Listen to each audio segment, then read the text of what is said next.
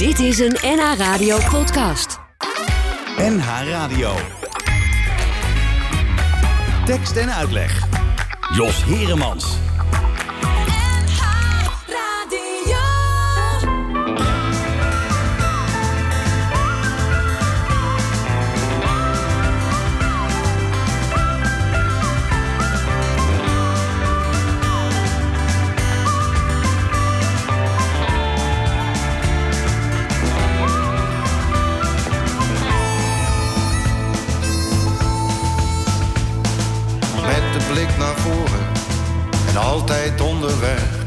In de wind kan hij ze horen, schrijf ze op, bestaan ze echt.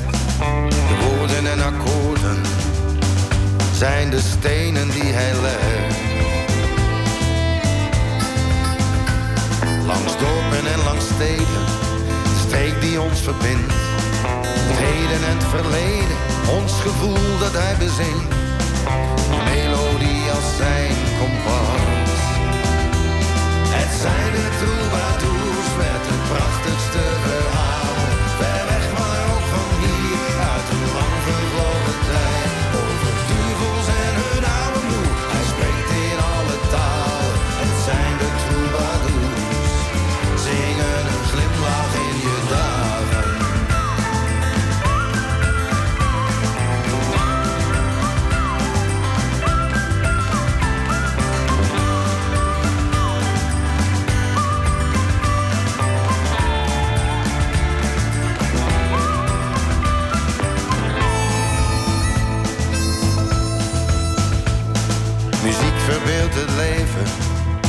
Niets anders kan. Ze heeft het zomaar gekregen, nooit voor geleerd en leeft ervan. Maakt de waarheid soms wat mooier, of geeft de liefde een nieuwe kans. Times are a changing, maar wat voor altijd blijft. Zij gelooft er nog steeds in, de romantiek, de vrijerij. In hun couplet en hun refrein.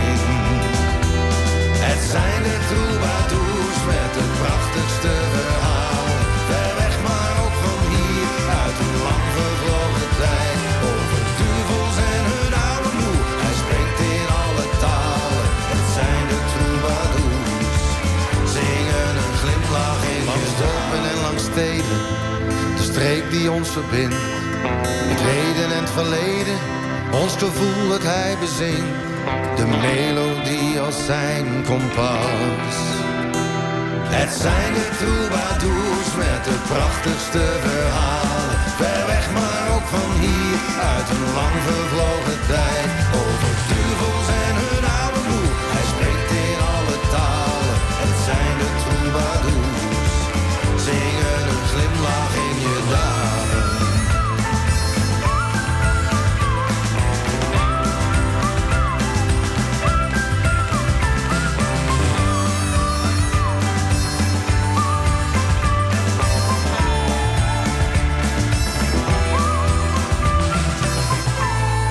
Troubadours waren dat eh, van eh, J.W. Roy, een van de meest onderschatte Nederlandse zangers. En hij heeft prachtig repertoire uitgebracht. Dus eh, als je hem een keer ergens kunt zien optreden, zou ik er zeker naartoe gaan.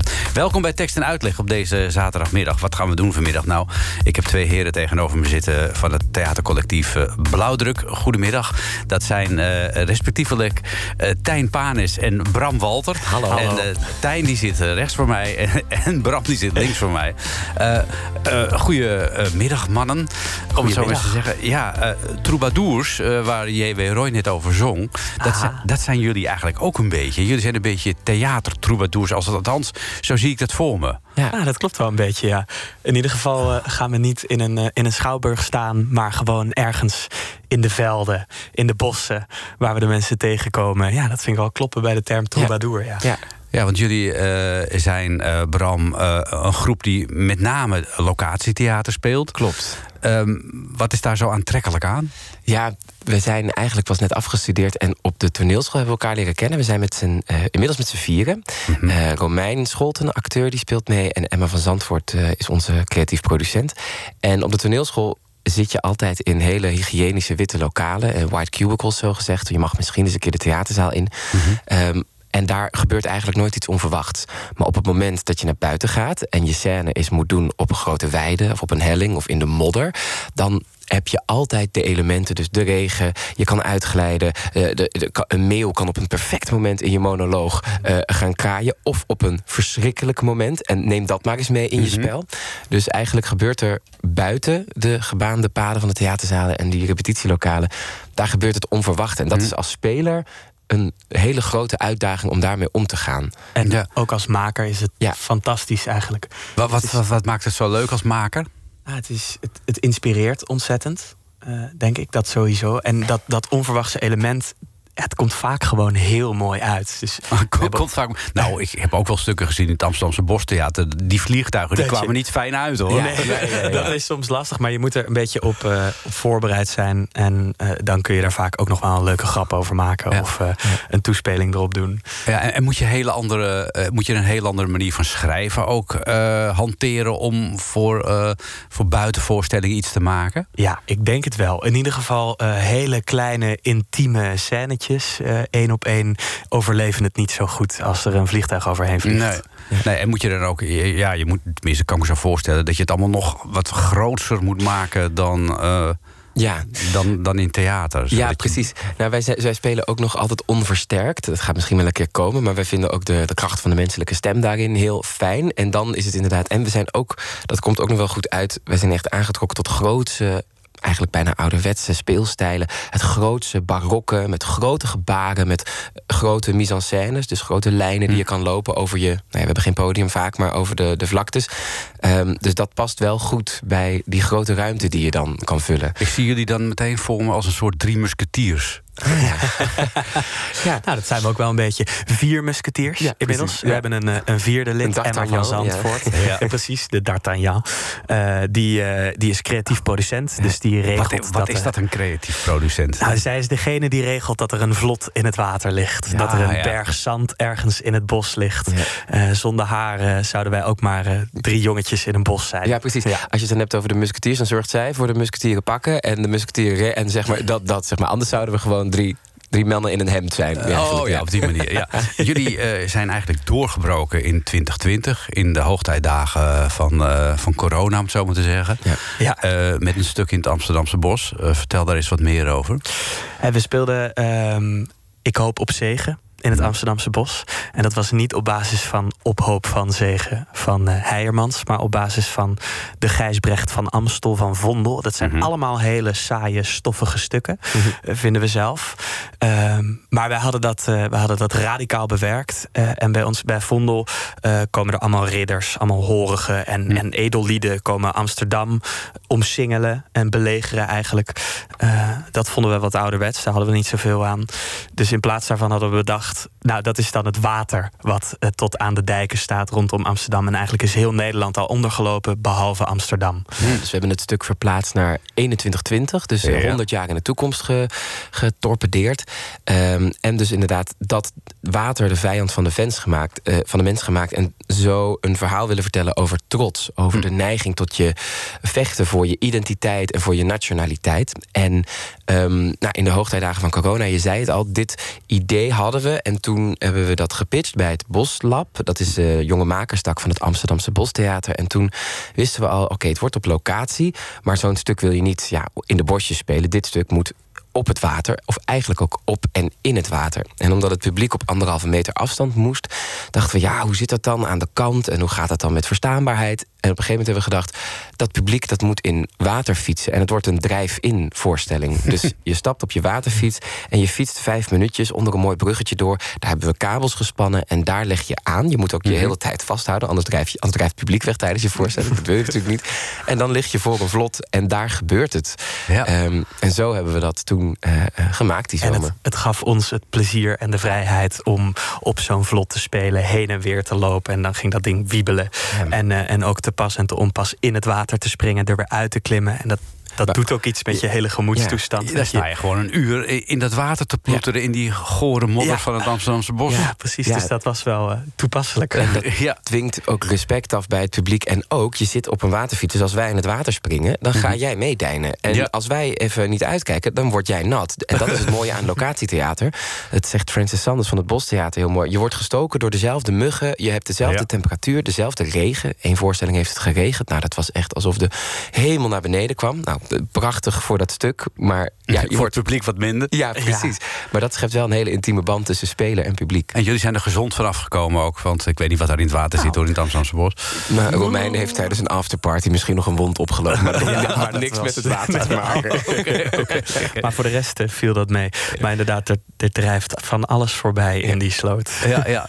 Nou, dat was dus in het Amsterdamse bos. Dan zou je denken, met, als je zo'n succes hebt met die voorstelling... dan ga je er nog even een paar jaar mee door... voordat je iets nieuws gaat bedenken. Maar dat, past niet echt bij jullie, geloof ik, hè? Nee, nee, we zijn echt meteen doorgegaan met weer iets nieuws maken. We hebben uh, nog een half jaar daarna hebben we Hikikomori gespeeld... bij de Caravaan in Alkmaar. Uh, en dat was op basis van de Odyssee uh, van Homerus. Um, en dat was een, een, een een analoge online gamevoorstelling. Dus we hadden de Odyssee omgeschreven tot een online game. En uh, Romein, ons, uh, ons derde lid, die uh, speelde Odysseus. En dat was eigenlijk een gamer die dat spel uit wilde spelen. En het, het ging heel erg over gameverslaving. Ah, ja. ja, ja. En dat was, dat was in, een, in een verlaten fabriekshal in Alkmaar, die inmiddels niet meer verlaten is, daarover straks meer. Um, uh, en daarna heeft de karavaan ons gevraagd: uh, Goh, zouden jullie dan bij ons nieuwe makers willen worden? Dat is een soort regeling waarin we dan onder hun vleugels mm -hmm. uh, en uiteindelijk ook onder de vleugels van het bos, die wilden wel een soort samenwerking aangaan. kunnen we dan de komende twee jaar daar dingen onderzoeken, dingen blijven maken? En toen hebben we die zomer daarna meteen een derde voorstelling gemaakt. En inmiddels zijn we aan onze vierde voorstelling bezig. Ja. ja. Twee jaar geleden zat je nog op school eigenlijk. En twee jaar geleden ja, moesten, dit, moesten de scripties nog worden ingeleverd. Ja, toch? Dus dat ja, inderdaad. Ja. En de, uh, voordat we naar de muziek gaan... Uh, hoe zijn jullie aan die naam Blauwdruk gekomen? Nou, nou, daar hebben we. Wil je het eerlijke verhaal? verhaal of het pretentieuze verhaal? Nee, nee, doe maar het eerlijke dit, verhaal. Dit, dit, gebeurde echt op, op zondagmiddag tijdens ons vierde jaar. Echt uh, ellenlang. Oké, we gaan met z'n drieën door. Hoe gaan we dan heten? En alles klinkt uh, of pretentieus, of afgezaagd, of cliché, of veel te ingewikkeld, snapt niemand. En op een gegeven moment hadden we op dat hele grote vel papier. stond volgens mij. Ik, ben er meegekomen, dat weet ik nog. Ik geloof het. Ik ben er compleet trots op. Je het ook niet eens over eens. Er stond uh, blauwdruk en dat vonden we wel goed bekken. En uiteindelijk hebben we op basis daarvan, oké, blauwdruk, collectief blauwdruk, hebben we ook een soort poëtica geschreven. Poëtica, ingewikkeld mm. woord, maar hebben we een soort van soort stijlregel geschreven. Wat willen we met ons theater? Of wat willen we mm-hmm. in de repertoirestukken die we bewerken? Wij gaan in dat repertoire, uh, gaan wij op zoek naar een blauwdruk van de mens. Naar uh, iets, we zijn allemaal verschillend en, en iedereen wil iets anders. En deze samenleving kent heel veel grote verschillen en problemen. Maar we proberen toch op zoek te gaan naar een soort van kern. En we leven in een hele ingewikkelde postmoderne wereld. Maar is er misschien een blauwdruk, nou tegen beter weten in... gaan we toch proberen die te vinden de hele tijd. Met ieder stuk weer. Ja, jullie zijn niet de enige. Elke viervijzer is er ook nog steeds op zoek naar.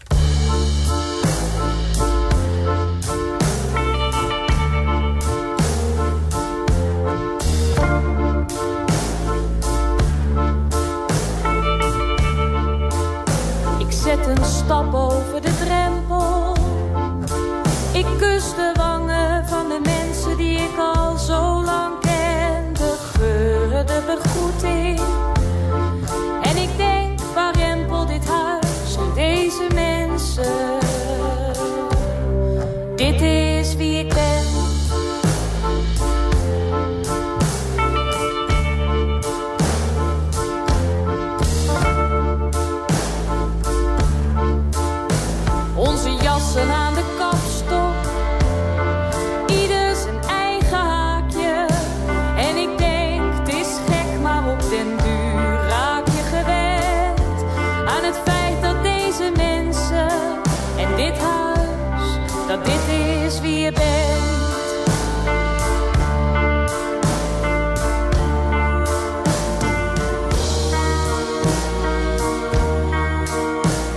Mijn moeder roept aan tafel, ieder zijn eigen plek, dezelfde borden, hetzelfde laken en bestek.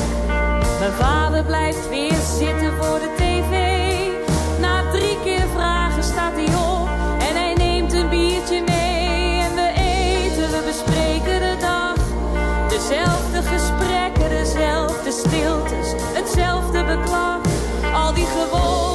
patronen,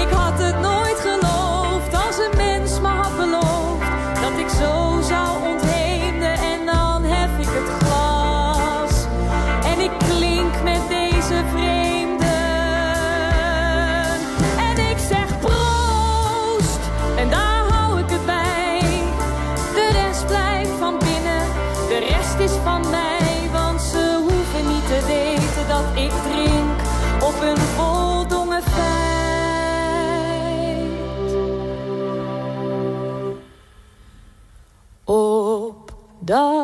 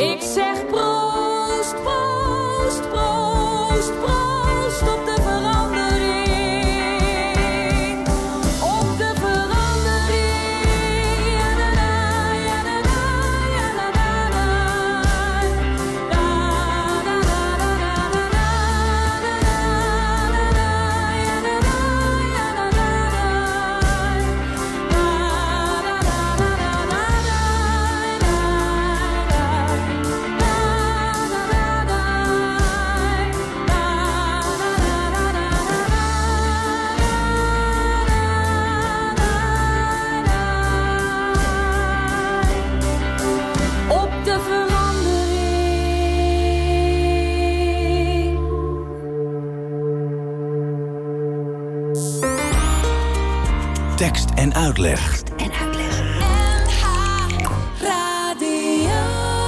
En vanmiddag de gast in eh, tekst en uitleg Bram Walter en Tijn Panis. Ze maken deel uit eh, van theatercollectief Blauwdruk. Ze spelen eh, volgende week op de Caravaan. Dat is het, ja, mogen we wel zeggen, betere uitvoering nog van de parade... maar dan alleen in Noord-Holland. En daar spelen zij hun voorstelling De Ingebeelde Ziekte. Dat is allemaal naar aanleiding van het stuk van Molière... De Ingebeelde Zieke. Nou, dat heb ik dat allemaal weer uitgelegd. We waren net gebleven eh, bij eh, jullie laatste ontwikkelingen. Zeg maar hoe jullie zo samengekomen waren. Hoe jullie op de naam gekomen zijn. Eh, en dan, ja, dan moet je dus eh, ja, proberen om in dat toch al overvolle theaterwereldje een plek te veroveren. Hoe, hoe hebben jullie dat voor elkaar gekregen? Ja, nou ja, we, we, het, het gaat ook een beetje organisch, denk ik. We hebben zo die eerste voorstelling gemaakt in het bos op dat vlot. En omdat we dat zo buiten deden, omdat we dat graag wilden, kwamen we erachter: oh ja, dat kan eigenlijk alleen maar als je dat dan heel groots en megalomaan en met grote vormen en nogal barok aanpakt. Ehm, en daar zijn we. Dat beviel ons ook heel erg. Dat vonden we echt heel leuk. En het was ook iets waarvan we het idee hadden. hey, dit hebben we eigenlijk nog nooit gezien op deze manier. Deze stijl. Het heeft echt iets, iets, iets lekkers, iets leuks, iets grappigs. Eh, maar het kan ook tragisch worden.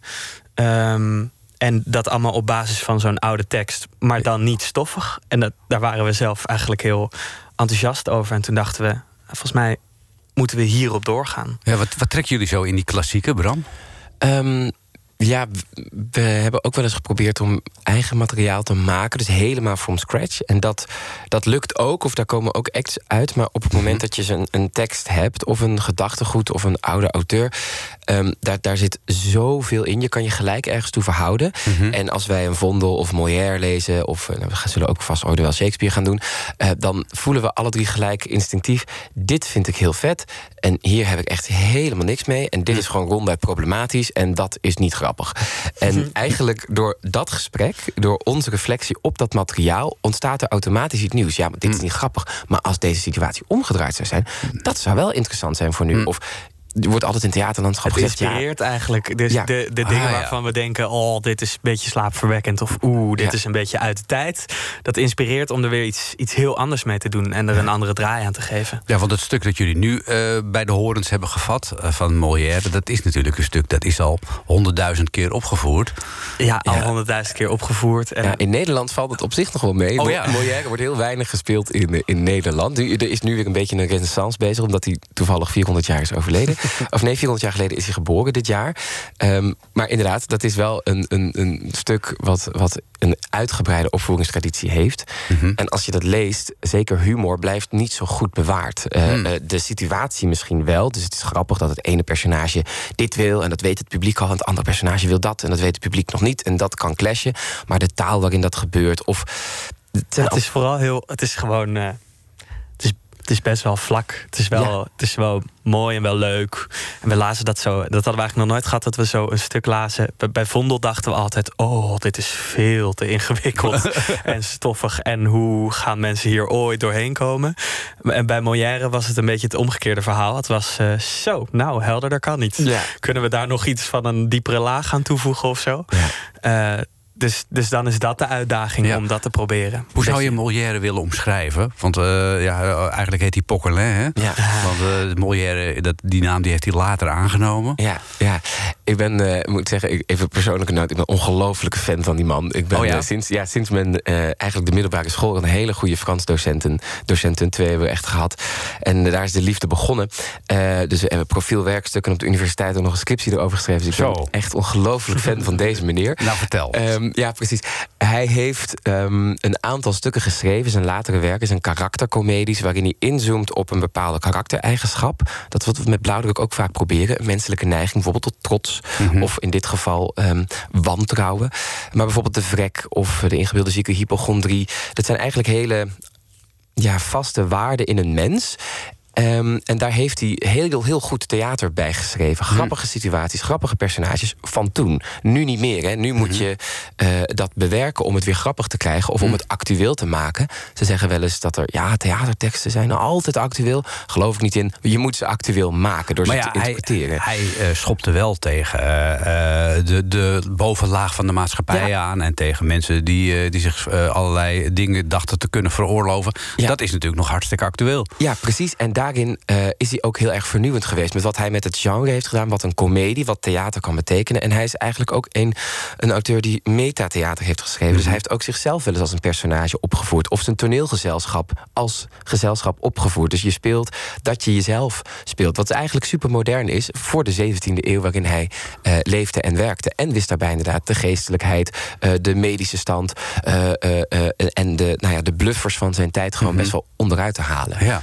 En dat vinden we denk ik nog steeds ook wel leuk om te doen. Ja. Dus eh, en, en er tegenaan trappen en tegelijkertijd ook proberen altijd empathie te hebben en te, te denken, ah ja, dus al die mensen die zo anders denken dan wij, of, of die heel ver van ons afstaan, wat is hun belevingswereld? waar, waar komen zij vandaan? Waarom handelen ze zoals ze handelen? Ja, maar die Molière die, die heeft eigenlijk nog wel geluk gehad dat hij al die stukken heeft geschreven. Want hij heeft, eh, heb ik begrepen, nou jij bent de kenner, dus jij kunt het eh, uiteindelijk eh, toelichten. Hij heeft een aantal jaren door Frankrijk gezworven met een theatergezelschapje. Toen is hij uiteindelijk bij Lodewijk XIV aan het hof gekomen. Ja, Ja. als je dan zo'n stuk maakt, dan heb je twee mogelijkheden. Of hij vindt het leuk, of hij slaat je kop eraf.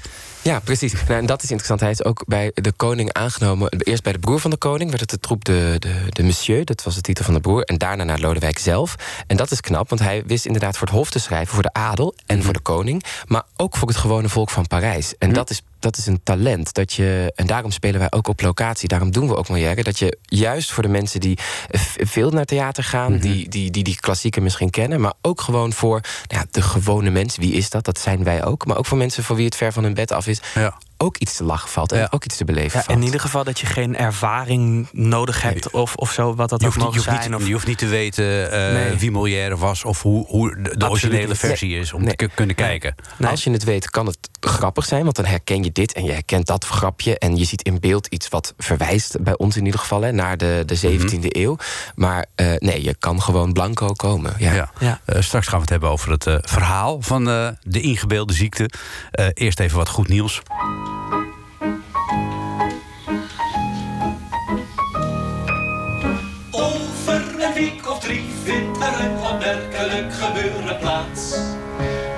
Spreekuur van een jonge maar bekwame arts. Want dan kreeg hij een patiënte van een jaar of veertig en die voelt zich niet gezond. Nu dat wil hij best geloven, gezien de vale plekken op haar huid. Inderdaad, u bent niet helemaal in orde, zegt de dokter, steeg uw uit. En dan gebeurt het.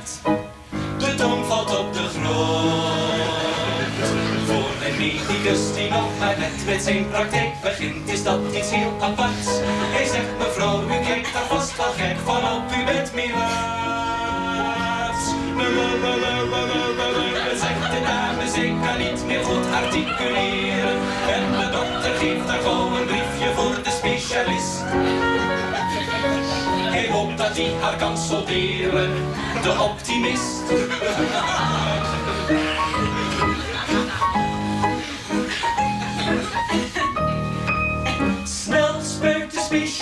Een sulfonamide in de lijderes. Doch na haar vertrek heeft hij haar rechterhand nog vast.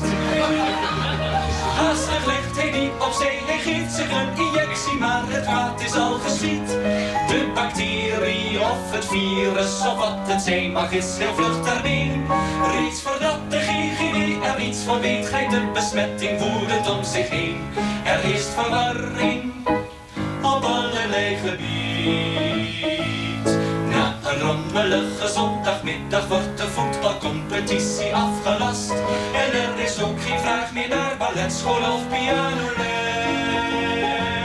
Men ziet al spoedig neuzen en zelfs oren liggen in de trein en in erkers.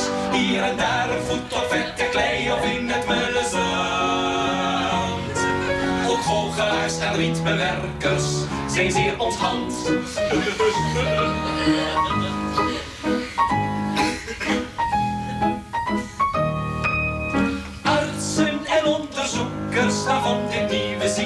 versteld. En een nationale actie helpt al lang niet meer. Want zodra een collectant gaat rammelen, belandt zijn arm met bus en al op straat. En de vuilnis op al diensten zijn toch al radeloos van al het werk. In het buitenland is de vermindering aan lichaamsdelen trouwens even sterk. Er is geen mens meer die nog geheel bestaat. In het stadsverkeer. En het doet wonderen voor het bemoeilijken van elk geweld. Dictatoriale macht en terrorisme en het rijk der misdaad zijn niet ongereden. Zelfs de nette lieden zijn gedoemd tot onbeweeglijkheid. En daarmee wordt de wereldvrede dan toch een feit. Ja, dit kwam in 1974, cabaret Ivo de Wijs met eh, goed nieuws. Nog heel actueel, zou je kunnen zeggen. En zeker als we het hebben over de ingebeelde eh, ziekte. Het stuk dat eh, theatercollectief Blauwdruk gaat opvoeren... bij De Karavaan vanaf volgende week. Vanaf Hemelvaartsdag te zien in Alkmaar. Daarom zijn hier ook Tijn Panis en Bram Walter. Eh, Bram Walter, eh, behalve theatermaker, ook Molière-fan. ja. Heb je ooit een fanclub opgericht voor Molière? Bram? Nee, nee, nee. Maar mijn vrienden weten wel dat ik fan ben. Dus ik heb inmiddels een kussensloop van Molière. Zijn- meent het? Zijn werk staat eh, op een plankje. Er wordt gezegd dat ik erop lijk. Daar heb Oh. ik zelf ook een beetje mijn snor laten staan... en mijn haar wat langer. Dus eh, nee, deze zomer ga ik all out, ja. Ah, Oké, nou, dan hoop ik dat het beter afloopt eh, met jou dan met hem. Want hij, hij stierf tijdens de vierde uitvoering aflevering van dit stuk. Ja, ja. Nee, ik hoop, we hopen allemaal dat Bram het langer volhoudt. dat is wel. Ze hebben een probleem. Maar ja, hij, werd, hij werd iets in de 50, toch? Of zo? Ja, 52. 52. Eh, eh, volgens mij 51. geloof ik. 51, ja. ja. Eh, goed, eh, dat is Molière. Eh, de ingebeelde ziekte. Jullie hebben het stuk herschreven. In jullie vorige voorstelling eh, gebruiken jullie je eigen taal. Jullie hebben vermengen Engels, eh, Duits, Frans met straattaal. En er ontstaat een soort blauwdruktaal. Ja. Eh, gaan we die blauwdruktaal ook weer horen bij de ingebeelde ziekte? Eh, zeker. Nou, nu een combinatie van Frans en Nederlands. Alleen maar. Eh, eh, we zijn daar een beetje op doorgegaan toen. Dat bezorgt ons heel erg veel plezier om op die manier te werken. En het is leuk om te doen. En, en nu dus Frans en Nederlands door elkaar in grammatica en woorden. Ja, ja, je hoeft geen Frans te spreken om het te kunnen volgen. Want dat is Oh. eigenlijk onze grootste lol. Wij schrijven eigenlijk altijd op eh, eh, metrum. Dus op, Mhm. een, op een bepaald ritme. Een jambe of een, eh een drogé. En een beetje op rijm. Ja, precies. Dus, dus dat klinkt vaak wat, wat misschien wel wat, wat archaïs. In ieder geval zit er een ritme in die tekst. Maar juist omdat je vaak rijmt, is het lastig om een rijmwoord te vinden. En als je dan twee talen naast elkaar kan gebruiken, je- of het Nederlands kan verfransen of het Frans kan vernederlandsen. We spreken ook wel van Nederfrans in deze voorstelling. Eh, dan kan je heel makkelijk rijmen. Dus dat is heel. eh, Dat, geeft wat, eh, wat, wat vluchtmogelijkheden. om Ja. Ja, precies. En ook, ehm, nou, bijvoorbeeld, er zit een zinnetje in. Ik zeg op een gegeven moment als Angela: Ik ben 28 jaar en ik maak mijn eigen keuzes. Nou, je weet precies wat hij zegt. Ja. Het is geen Nederlands, het is geen Frans, maar het is wel helder. Ja, ja, ja dat, dat is jullie sterke kant, denk ik ook wel. Dat, dit soort vondsten. Ja, en het, is, het werkt nu lekker met dat Frans. Want dat Frans, dat heeft iets... Het is een stuk dat gaat over ziekte, over ongezondheid, gezondheid. Maar ook over hofcultuur. eh, eh, Ja, de regering, de ja, de regering eh, in een heel strak stramien zitten. Alles moet gekend en eh, geweten en gedefinieerd. En eh, de- die twee rollen kan het Frans eigenlijk allebei heel goed spelen. Dat kan iets lekker, lekker vies hebben. eh, maar het heeft ook iets heel precies en iets sierlijks en Ja. iets hoffelijks. Ja. En, en doen jullie dat dan echt met z'n drieën eh, of met z'n vieren aan de keukentafel... en gaan jullie die teksten zitten schrijven? Of Ja. doet ieder een deel? Nee, ja, zo'n beetje wel. Ja, wat we vaak doen is, we gaan eerst met z'n vieren zitten bedenken... wat is er eigenlijk nodig? Wat, wat voor scènes moeten we hebben? Eh, Wat wordt het verhaal eigenlijk? En eh, vervolgens, als we die scènes hebben bedacht... dan gaan we ze verdelen. Mhm. En dan gaat de Bram aan de ene scène schrijven... en ik aan de ander. En Romein nog weer aan een ander. En als we dan alle drie een aanbodje hebben geschreven... dan gaan we rouleren. Dus dan Hm. gaat Bram aan mijn scène verder... ik aan die van Romein en Romein aan die van Bram. Eh, en... eh, en dat is heel leuk, want uiteindelijk weet je dan eigenlijk niet meer zo goed wat nou van wie is. Dan is Ja. iedereen er een keer overheen geweest en dan zit iedereen's eh, ideeën en eh, identiteit er helemaal in. Ja. En eh, passen jullie dan daarna nog heel veel aan? Dat jullie heel veel kritiek op elkaar hebben bijvoorbeeld? Ehm, ja, nou, kritiek, het is meer echt meedenken totdat we het allemaal ermee eens zijn. Dus wij zijn een collectief wat niet werkt met een eh, eh, democratisch model, maar met een consensusmodel. Dus het, Ja. het kan er pas zijn als iedereen zegt: ja, dit, dit kunnen we spelen, dit geloof ik. En ehm de proof in the pudding, nou, dan ga ik Engels praten als het over miljarden gaat, maar goed. is eh, eating it, de- op de vloer blijkt wat werkt. Dus op Ja. het moment dat we het op, de op het papier helemaal hebben bedacht en dit is grappig en dan stop je daar naartoe. En als we op de vloer merken, nou, eh, eh, dit krijg ik mijn mond niet uit of dit, deze scène is slap, dan gaat het rode potlood er genadeloos Loos doorheen. doorheen. Ja. En dat hebben we echt nodig, want wij schrijven heel veel. Oh En- ja? Ja, ja. De, tekst, de teksten van Molière of, eh, of Vondel zijn niet heilig, maar die van onszelf Nee. ook niet. Nee, het moet precies. gewoon uiteindelijk eh, moet werken. het rond zijn, ja. Ja. Ja, en Ja. ook inhoudelijk moet het gaan waarover het moet gaan. Ja. Ja. Wat vonden jullie het moeilijkste bij het schrijven van dit stuk? Eh, het is voor het eerst dat we met veel meer personages werken. Dus we hebben tot nu toe wel eens een stuk geschreven voor vijf of drie personages. Nu hebben we voor het eerst een stuk met zeven personages. Ja, je moet even vertellen, denk ik, eerst eh, inderdaad voor, voor de luisteraar wel helder waar het Ja. verhaal precies over gaat. Want we hebben Argan natuurlijk, dat is ja. de hoofdpersoon. Ja. Dat is de, eh, dit stuk speelt zich af in 2371, dus over 350 jaar. Dat is Mhm. precies de afstand van ons tot Molière. Hebben wij van de mensen die in dat stuk leven. En in 2371 ehm, is er geen oorlog meer. De mensheid heeft zich helemaal gestort op het verlengen van het leven. Eh, we leven in een asclepiocratie. Dus de belangrijkste dokter, de beste dokter van het land, is de medisch empereur. Dat is ook de leider. De politiek en wetenschap valt samen. Aha. Argan is bij ons geen eh, eh, nare oude zieke man. Nee, dat is de medisch empereur. Zij heeft een zoon, Angelin. Zij heeft eh, een, een, een, Een man. een man, Bélin. Bélin. Ja, een journalist is dat. Een hele kritische journalist, de belangrijkste van het land. Ja. Nou, dan is er een eerste minister die haar heel veel slecht nieuws kon brengen in dat stuk. Diafoires. Ja, en, precies. een PA, een personal assistant, Toinette. Die ook voor de nodige chaos zorgt. Dan is Angelin, haar zoon, heeft zich hals over kop gestort in een verkering met cliënten. Ehm, die staatsvijand nummer één is. ja, eigenlijk. er eigenlijk helemaal niks moet hebben van de, levens, van de verplichte levensverlenging en de gezondheidsstaat, eh, de, de gezondheidsdictatuur in zijn ogen. En nou ja, je hoort al, al deze personen hebben een heel ander belang bij Argan en bij elkaar.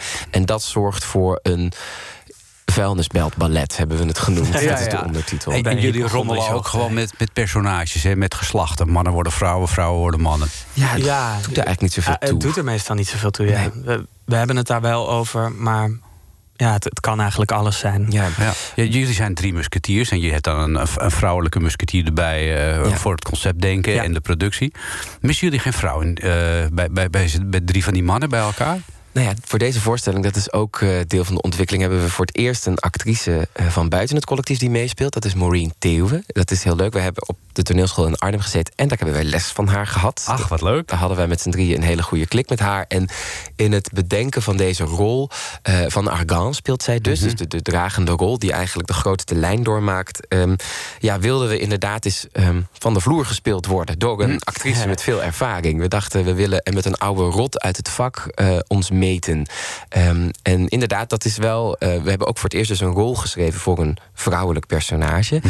Wat kan zij wel zeggen, wat kan ze niet zeggen? Welke clichébeelden wil je vermijden als je een vrouwenrol schrijft? eh, of een moederrol schrijft? Ze is niet alleen moeder, ze is gewoon leider van dat land. Ja. Wat betekent haar gender daarin? Dus dat zijn wel gesprekken die we hebben gevoerd. En uiteindelijk ehm, vertegenwoordigt zij ook gewoon een mens van vlees en bloed. En in deze voorstelling thematiseren we eh, gender of... eh, eh, ja, dit, dat thematiseren we eigenlijk Niet zozeer. Nee. Nee. Als publiek neem je het aan, hopen we. Dat Ja. je- dat nou ja, dat, dat gaat toch ook heel vaak vanzelf bij, eh, bij theater. Dat is, eh, op zich is dat Ja. niet zo'n probleem. Ja. En hoe vond zij het?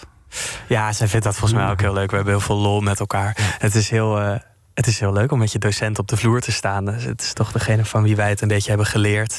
En, eh, en zij staat er dan heel erg op haar eigen manier tussen. Ja. En eh, volgens mij vindt ze het ook wel leuk om ons in de weer te zien. Ja. Met het Ja. een en het ander, ja. Eh, we gaan even terug naar het verhaal. Dus eh, uiteindelijk, eh, nou, jij, jij schetst het al, het speelt eh, over 300 jaar. Nee, in 23, 71, 71. ja, exact. Dus dat is over, eh, nou, heel lang. Ja.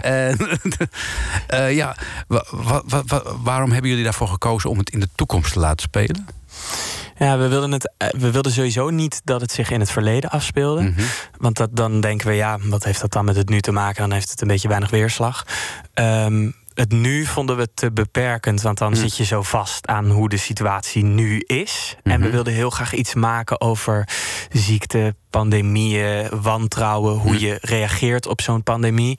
En eh, we vonden het een beetje flauw om dat dan nu in deze tijd te doen en het heel erg over die coronacrisis te laten gaan. Ja. Dus toen dachten we, nou, dan gaan we er wel ver van afzetten, Ja. maar dan ver in de toekomst. En dan is Ah, het meer eh, hoe, ja, waar komen we vandaan en waar kunnen we dan terechtkomen? Ah. En het inspireert heel erg. Je mag gaan denken hoe de wereld er over 350 jaar uitziet. Ja, dan worden mensen 200 vanwege Ja. een kleine chip. Dat is volkomen logisch. Nu Oh. is dat nog allemaal eh, nieuwe technologie. Maar dan heeft iedereen dat volledig geaccepteerd. Eh, Ja. De kolonies op Mars zijn er al. Eh, Ja. Je mag een hele wereld gaan bouwen. En dat is heel vet. Ja, Ja. als de wereld er dan nog is, hè, natuurlijk. Dat, weet je, dat is Precies. natuurlijk ook altijd een wel de vraag. Ja, De wereld ja, is gelukkig, gelukkig al. Ja.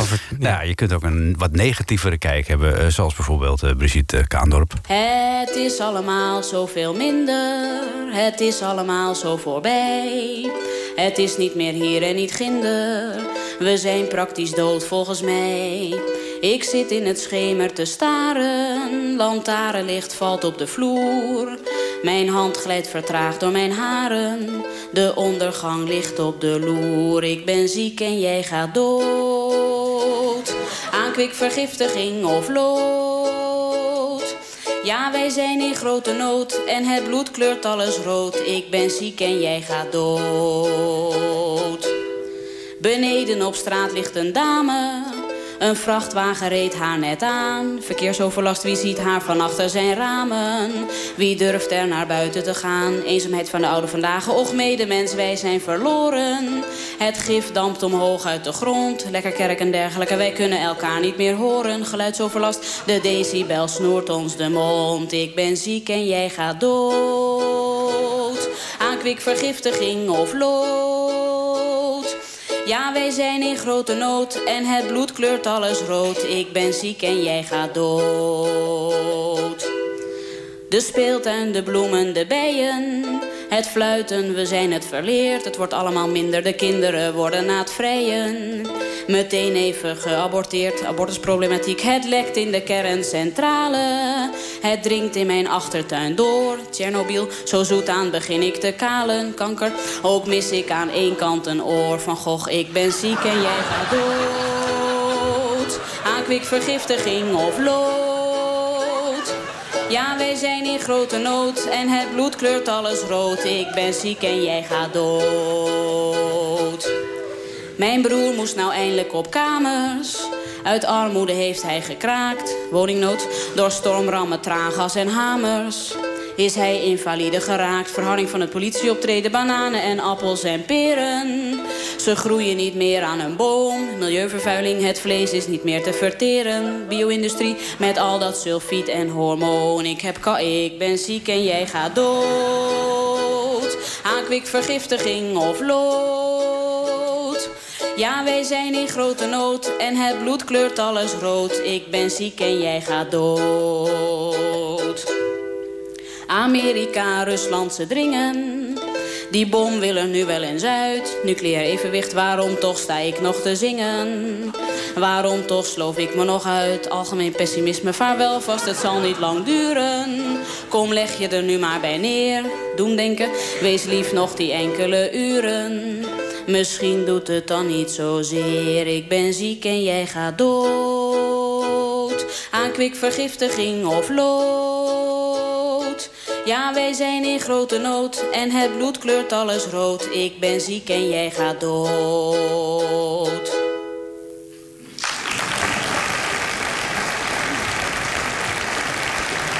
Tekst en uitleg. Brigitte Kaandorp was dat met eh, protestlied. We praten in tekst en uitleg vanmiddag met eh, theatercollectief Blauwdruk. Daarvan zijn hier eh, Tijn Panis en eh, Bram Walter. Jullie spelen het stuk De ingebeelde ziekte van Molière. Ja, het heet dus eigenlijk De ingebeelde ziekte. Maar goed, Bij ons niet. bij jullie niet, want alles is bij jullie anders. Jullie spelen het in het eh, Nederfrans. Eh, en jullie gaan eh, ja, in première op de Caravaan volgende week. Zijn jullie klaar? Ja, eh, denk het wel. In ieder geval, eh, als we in première gaan, zijn we wel klaar. ja. Volgende week wel, ja. Maar, maar nu zijn we nog, Nog niet helemaal. nee, we zijn eh, nog hard aan het repeteren. Er is, het zijn twee eindes nu nog. En we kunnen er maar eentje. Dus Ah, ja, je, kunt op, je kunt met bordjes doen, zullen we A of B. eh, Ja, dat het publiek mag. Stemming, kleine stemming houden, ja. Ja, ja. Ja. Dan mag, mag het goed aflopen en het mag slecht aflopen, bijvoorbeeld. Het loopt in, in, die, in die laatste paar weken loopt het altijd bij ons eh, nog een beetje door elkaar allemaal. Dan, dan moeten de kostuums nog en er moet nog iets van muziek doorheen. We zijn tegelijkertijd nog aan het eind aan het schrijven als dat we bezig zijn met repeteren. Op een locatie gebeuren dus altijd onverwachte dingen. Ja, dus dan dus, je, eh, oh, daar mogen we niet komen. Oh, dat kan eigenlijk niet. Daar is drijfzand. Dat- Dus dat beeld gaat ook niet door. ja, ja, ja. echt zo gaat Ja. het. Ja, jullie moeten ook even vertellen, want eh, de Caravaan speelt op verschillende locaties Ja. in, eh, in Alkmaar. Waar spelen jullie? En we spelen bij een naast de waterzuiveringsinstallatie in Alkmaar. Daar stond vroeger een gasfabriek. Daar is de grond nog steeds eh, heel erg vergiftigd. En daar mag eigenlijk niemand komen. Behalve maar jullie. Wij, behalve wij. Eh, exclusief, exclusief. Eh, maar het is ook een voetje van de vloer. Dus we mogen daar alleen maar spelen als we niet op die vergiftigde grond komen. Dus het publiek loopt over een verhoogd pad naar de tribune. En wij hebben. Goede medische schoenen aan en eh, maken ons helemaal schoon. En eh, ja, zo gaat dat. Dat is een hele bijzondere locatie eigenlijk, toch? Ja. Dus dit- als je dan maar geen ziekte oploopt. Ja, ja, het is heel bizar. Je mag er dus niet komen en bouwen. En, en eh, er staat ook een groot hek omheen. Maar, maar de kunstenaars mogen er wel naartoe. Maar het gelukkig ook, ja. ja. Maar wij zijn er blij mee. Ja, ja, maar- en, je, en je kunt er gratis naartoe ook, toch? De Caravaan is toch gratis toegankelijk? Of moet je er een kaartje Nee? Ik weet het het is, eigenlijk niet. het is wel, eh, Oh, het je is moet wel wel met kaartverkoop. Oh, Ja. ja, oh, nee, het festivalterrein zelf. Dat, Luttele festival- bedrag van 12 euro. Ja, Oh, dan maar heb je een hele mooie avond. Ja, dus inclusief ziektekostenverzekering. Ja, ja, precies. Ja. Nee, we zijn niet Nee, het, aansprakelijk. het, het, het- het publiek is veilig, wij niet. Ja, ja, ja, ja. Want, eh, en jullie hebben ook het geluk dat je eh, mag repeteren in een ruimte die, die, die onlangs door de gemeente Alkmaar ter beschikking is gesteld, toch? Ja, Ja. we hebben dus onze tweede voorstelling hebben we in een verlaten fabriekshal gespeeld in Mhm. Alkmaar. Inmiddels is dat geen verlaten fabriekshal meer, maar eh, het Makershuis Alkmaar van de Caravaan. Mhm. Dat is een fantastische ruimte. Het is een soort, ja, hoe moet je je dat voorstellen? Een soort parkeergarage eigenlijk was Mhm. het toen we daar voor het eerst waren. Helemaal beton, eh, een oude drukkerij is het, dus er zit nog overal inkt aan de muren en zo. Eh, inmiddels is dat een fantastische repetitieruimte, is daarvan gemaakt met een houten vloer, alles mooi zwart gespoten. En er hangt een grid, dus je kan er lichten hangen. Er is Prachtig. echt door de karavaan en een heel team van ontzettend eh, gemotiveerde en hele kundige eh, mensen is daar een, een theater gebouwd. Theater ja. de drukkerij. En als wij er spelen, dan noemen we het de altijd theater. blauwdrukkerij. Ja, Precies. Natuurlijk. Ja.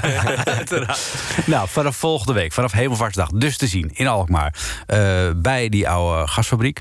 Eh, Ja. eh, ja, jullie mooie voorstelling over Van Molière, de ingebeelde ziekte. Yes. En ik zou zeggen, komt allen, dan zie je ook Komt iets leuks. zien. Want dat het spectaculair is, daar hoef je bij jullie niet aan te twijfelen. Dat is het Nee. altijd. Dank jullie wel. Ik vond het heel leuk dat jullie er waren. Ja. En ik hoop dat jullie dit allemaal overleven. Dankjewel. Wie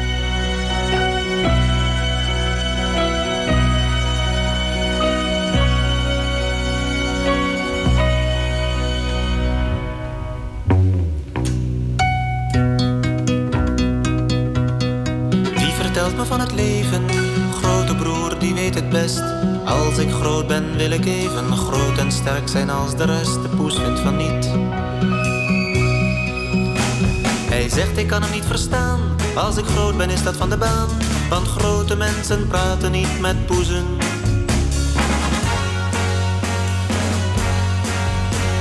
En nu ben ik groot en belangrijk en student.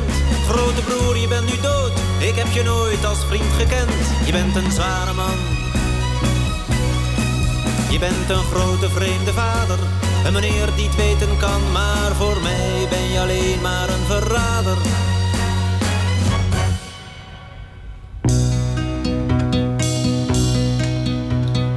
Vlinders zongen in de bomen, vogels zaten op mijn hand.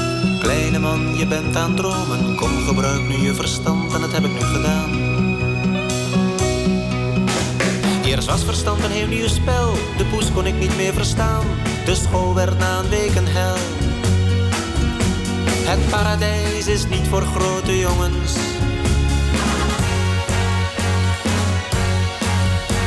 Tot dusver heel normaal. Iedereen wordt eenmaal groot, dat overkomt ons allemaal. En ieder sterft zijn kinderdood. Je wordt een grote vent.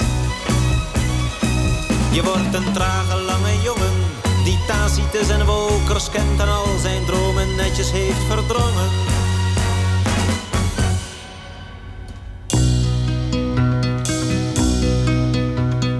Vlinders moeten rupsen worden, vogels kruipen in hun ei. Vliegen hoort niet in de orde van de mensenmaatschappij, toch is er soms een weg.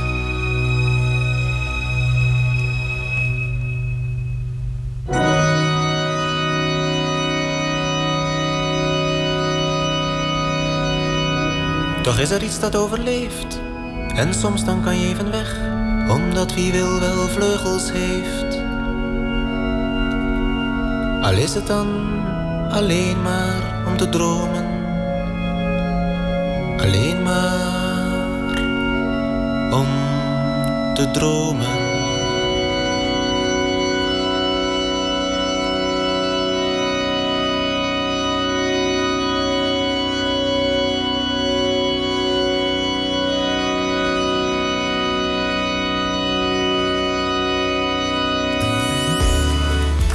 Tekst, tekst, tekst. En, en uitleg.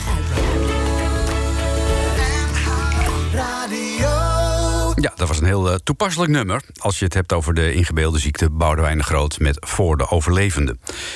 De ingebeelde ziekte van eh, collectief Blauwdruk kun je zien dus 25 mei tot en met 6 juni bij de Karavaan in Alkmaar. Dan gaat het hele gezelschap van uh, collectief uh, Blauwdruk richting Amsterdam.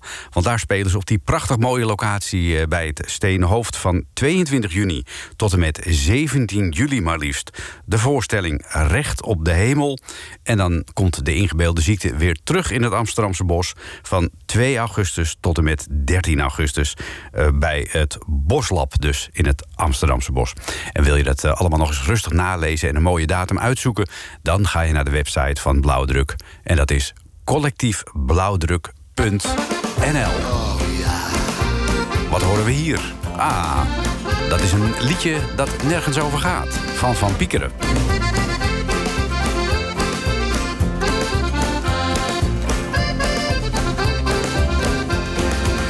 Niet over liefde of een goed boek. Of hoog bezoek. Niet over recht of steeds weer krom. Of algoritmes tot aan de horizon. Het gaat niet over mij of over jou. Of over alles waar ik zoveel van hou. Geen therapie of landverraad. Maar gewoon een liedje dat nergens over gaat. Geen Klimaattransitie of de grenzen dicht. Niet over dromen of over spijt. Of over weken, over tijd. Het gaat niet over mij of over jou. Of over alles waar ik zoveel van hou. Geen politiek of God bestaat. Maar gewoon een liedje dat nergens over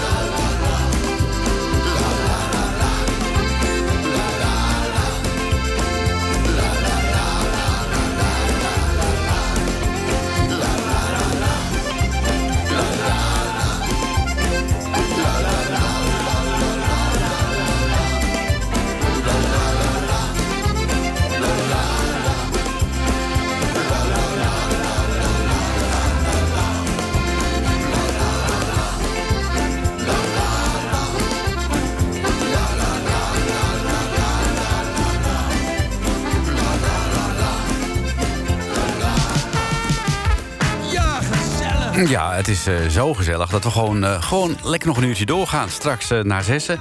En dan kun je onder andere luisteren naar De Andersons, Nederlands Hoop... Maaike Martens, Paul de Leeuw en nog veel meer prachtig mooie liedjes. Ja,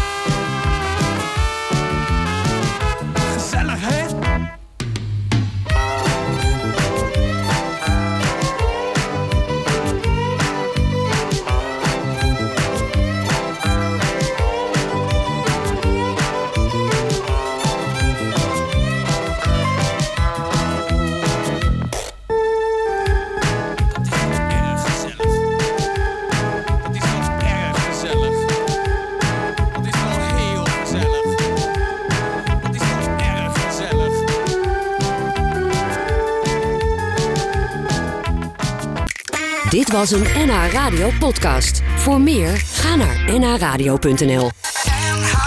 Radio.